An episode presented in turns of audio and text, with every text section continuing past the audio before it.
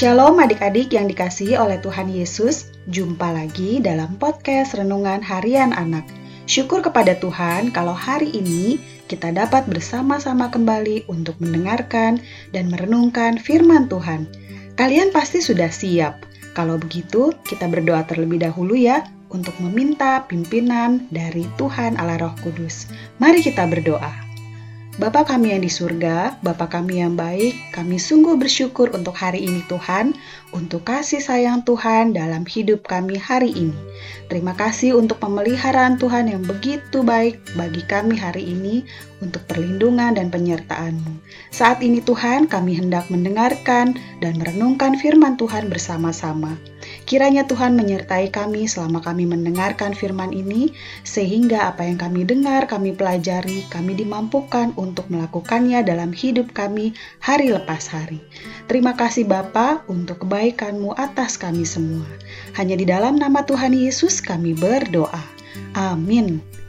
Firman Tuhan hari ini akan kita dengarkan dari kitab Perjanjian Baru, yaitu dari surat Roma Roma 12 ayat 1 sampai 2. Roma 12 ayat 1 sampai 2 Tante akan menuturkan untuk kita semua. Beginilah firman Tuhan. Persembahan yang benar. Karena itu, saudara-saudara, demi kemurahan Allah, aku menasihatkan kamu supaya kamu mempersembahkan tubuhmu sebagai persembahan yang hidup, yang kudus, dan yang berkenan kepada Allah. Itu adalah ibadahmu yang sejati. Janganlah kamu menjadi serupa dengan dunia ini, tetapi berubahlah oleh pembaharuan budimu, sehingga kamu dapat membedakan manakah kehendak Allah, apa yang baik, yang berkenan kepada Allah, dan yang sempurna. Demikian firman Tuhan. Tema renungan kita pada hari ini adalah bisa membedakan kehendak Allah. Adik-adik, pernahkah mendengar aplikasi TikTok Pernah ya? Sekarang ini aplikasi TikTok memang sudah tidak asing bagi kita. Anak-anak dan orang tua menggunakannya. Aplikasi TikTok adalah aplikasi di mana Aplikasi TikTok adalah aplikasi di mana penggunanya bisa membuat video singkat adik-adik.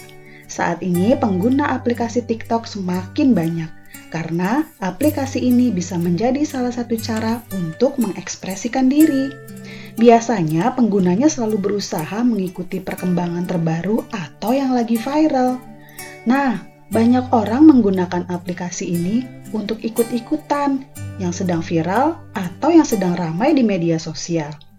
Tetapi adik-adik, ada seorang perempuan bernama Brenda Matos berusia 21 tahun dari Brasil. Dia memakai aplikasi TikToknya untuk penginjilan. Dia mengirimkan renungan Kristen tips belajar Alkitab, dan kisah tokoh-tokoh reformator gereja Protestan. Dengan bermodal ponselnya, Brenda Matos membagikan video pendek tentang Alkitab. Adik-adik, tahu tidak?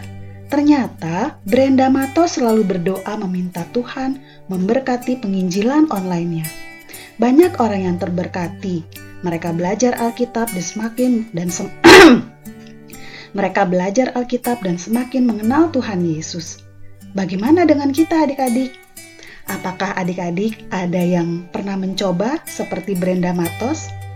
Apakah kalian mendapatkan panggilan untuk melakukan hal yang dilakukan seperti Brenda Matos, memberitakan firman Tuhan bukan hanya di aplikasi TikTok, tapi mungkin di YouTube ataupun konten-konten di sekolah ataupun bersama dengan keluarga kalian Jikalau kalian sudah melakukannya, terus lakukan ya, terus semangat untuk memberitakan firman Tuhan.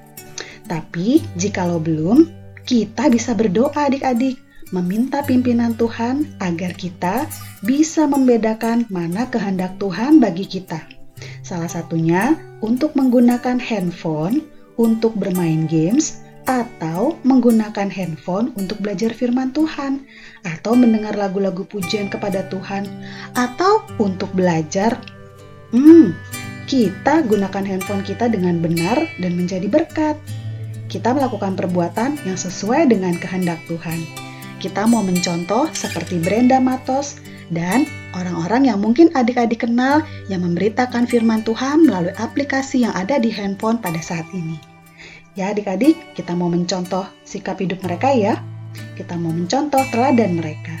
Yuk kita sama-sama katakan tekad kita, aku mau melakukan perbuatan yang sesuai kehendak Tuhan. Sekali lagi ya, aku mau melakukan perbuatan yang sesuai kehendak Tuhan. Mari kita berdoa. Bapa di surga, mampukanlah kami agar dapat mengetahui kehendak-Mu. Kiranya kami dapat melakukan perbuatan yang baik dan benar yang berkenan kepada Tuhan. Ampuni kami karena masih sering melakukan perbuatan yang menyedihkan Tuhan. Terima kasih ya Tuhan, hanya di dalam nama Tuhan Yesus kami berdoa. Amin. Renungan kita sudah selesai. Sampai besok lagi ya. Tuhan Yesus memberkati.